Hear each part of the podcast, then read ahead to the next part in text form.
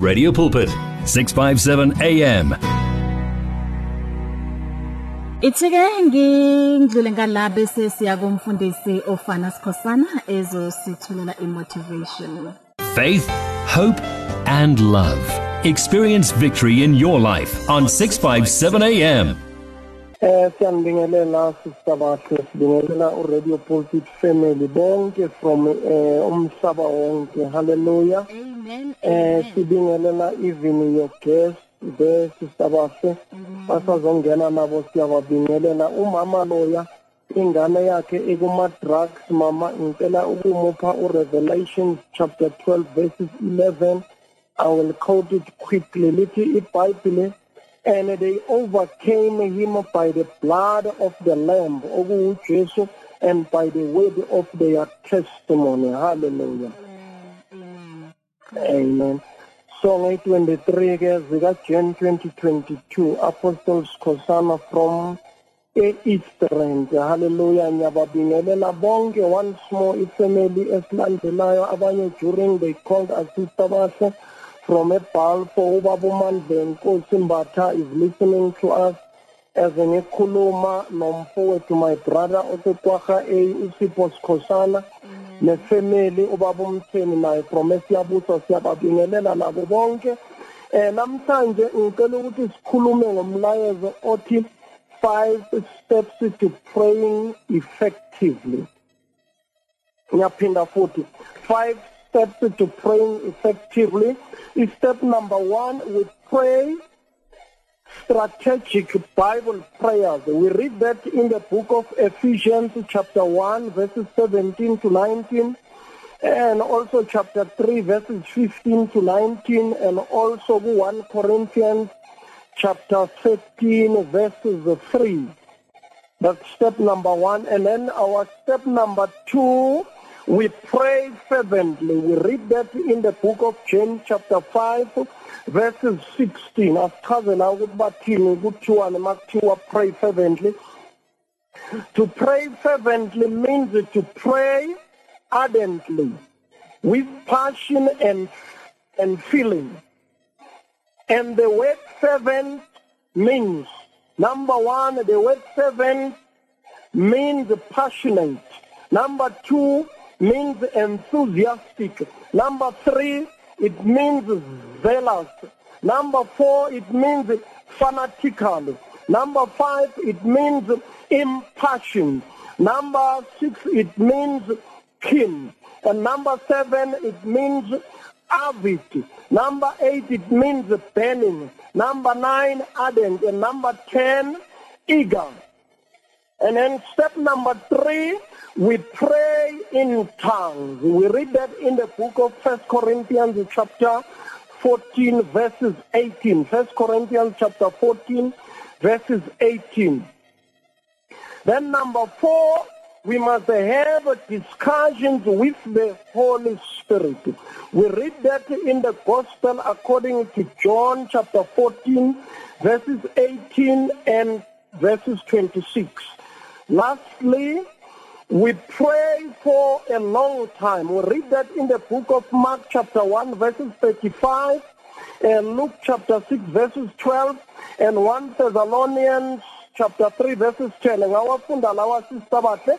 Ngiyafunda mfundisi Mark 1 verse 35 uh, my Bible reads and in the morning rising up a great while before day kukhulunywa ngoJesu la. He went out and departed into a solitary place and there he prayed. Hallelujah. Luke chapter 6 verses 12 and it came to pass in those days that he went out khulunywa ngoJesu la that he went out into a mountain to pray and continued all night in prayer to God. Iyangibusisa le eh lana bayasikhuthaza la noma lencwadi iyasikhumbuza iyasikhuthaza ukuthi uJesu anguNkulunkulu hallelujah ayu eh the the second person in in in Godhead siyazi eh last ngeke ngayiquota igodhead ukuthi masikhuluma ngegodhead sikhuluma about God the Father the Son and the Holy Spirit. So la uJesu awu God the Son iBhayibheli liyasikhumbuza liyasikhuthaza kanti liyafundisa futhi ukuthi he spent most of his time in prayer not in complaining but in prayer. As you can see that Jesus prayed for several hours Paul was also someone who prayed for hours.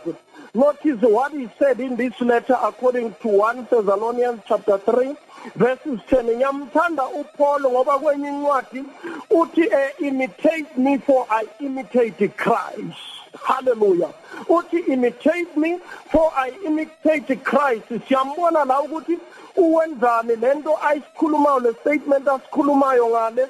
Ukuthi naye simlingise ngoba ulingisa uJesu nakuyamlingisa lithi iBhayibheli la uJesu he prayed and he continued to pray all night to God. Siyathola noPaul la ku1 Thessalonians chapter 3 verses 10 lithi la iBhayibheli night and day praying exceedingly. Likhuluma ngoPaul now Paul night and day praying exceedingly that we might see your face and might perfect that which is lacking in your faith. Ukhuluma nalabazalwane baseThessalonika la uPaul ukuthi nginikhulekela ngeinkathi zonke ebusuku nasemini ukuthi nikhule ekukholeni kwenu nikhule nasekumazini uNkulunkulu.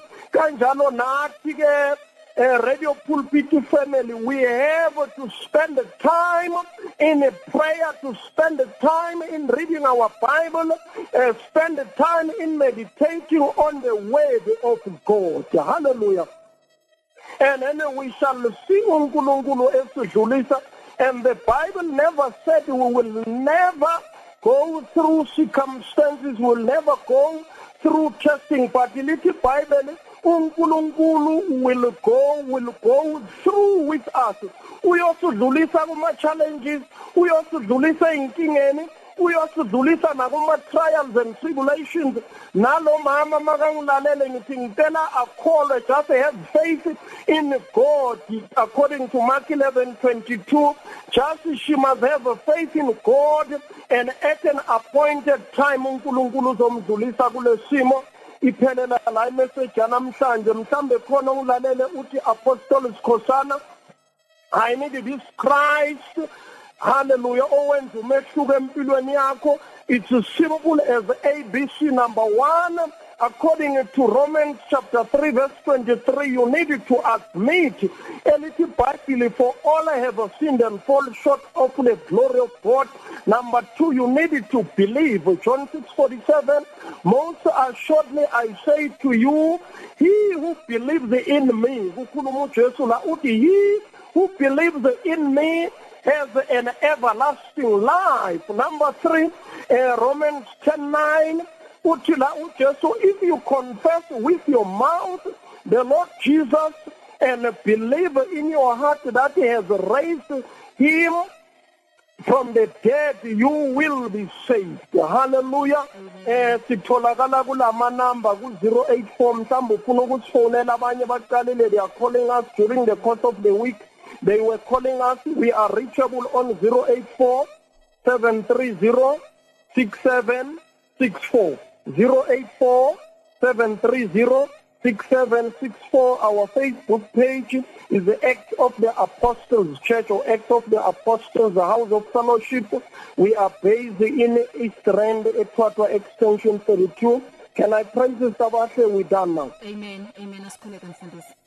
Father, we bless you for every listener who has been listening to me under this anointing. Father God, I thank you and I bless you for this opportunity. I also, Father God, pray for each and every one that you bless and favor them every second, every minute, every hour, every day, and every 24 hours around the clock. Father God, I also ask you to give them the spiritual and physical strength in the name of Jesus to fight their battles on their behalf in the name of Jesus. Now, mama, Father God, I bring her unto your throne of grace under his anointing and authority with all her family members of God. Have a favor, have a grace, have a honor upon her. You said in your word, whatever things we ask for, if we believe in the name of Jesus, that we have received those things, we shall have them. Father, under this anointing, I believe that whatever things we have prayed for, we have received by faith in the name of Jesus. So, Father, we bless your holy name. Amen and amen. Amen. Amen. Mfundisi. Izwi liyasho ukuthi the prayer of a righteous man is powerful and effective. Ngamanye amazwi umkhuleko onjalo um uthola ama results it get results. Thank you so much Mfundisi. Asiphinde sihlangane futhi evikini elizayo.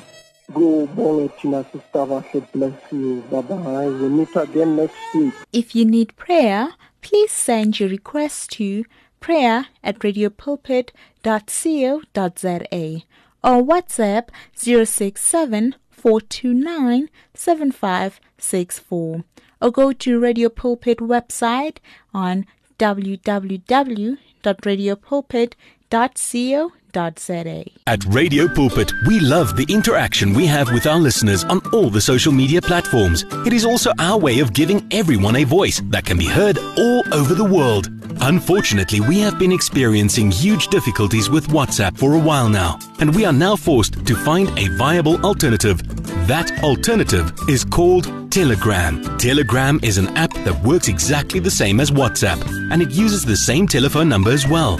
All you need to do to be able to chat with your favorite presenter is to download the Telegram app onto your phone and send your message or voice note the same way you always did. We will then be able to receive and answer your message faster, and the privacy on this app is much better too. So, whether you have an iPhone or an Android, the app pic is a white paper plane in a blue circle.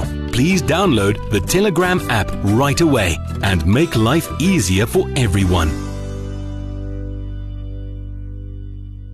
You and 657 AM and Life, a winning team on the road to eternity.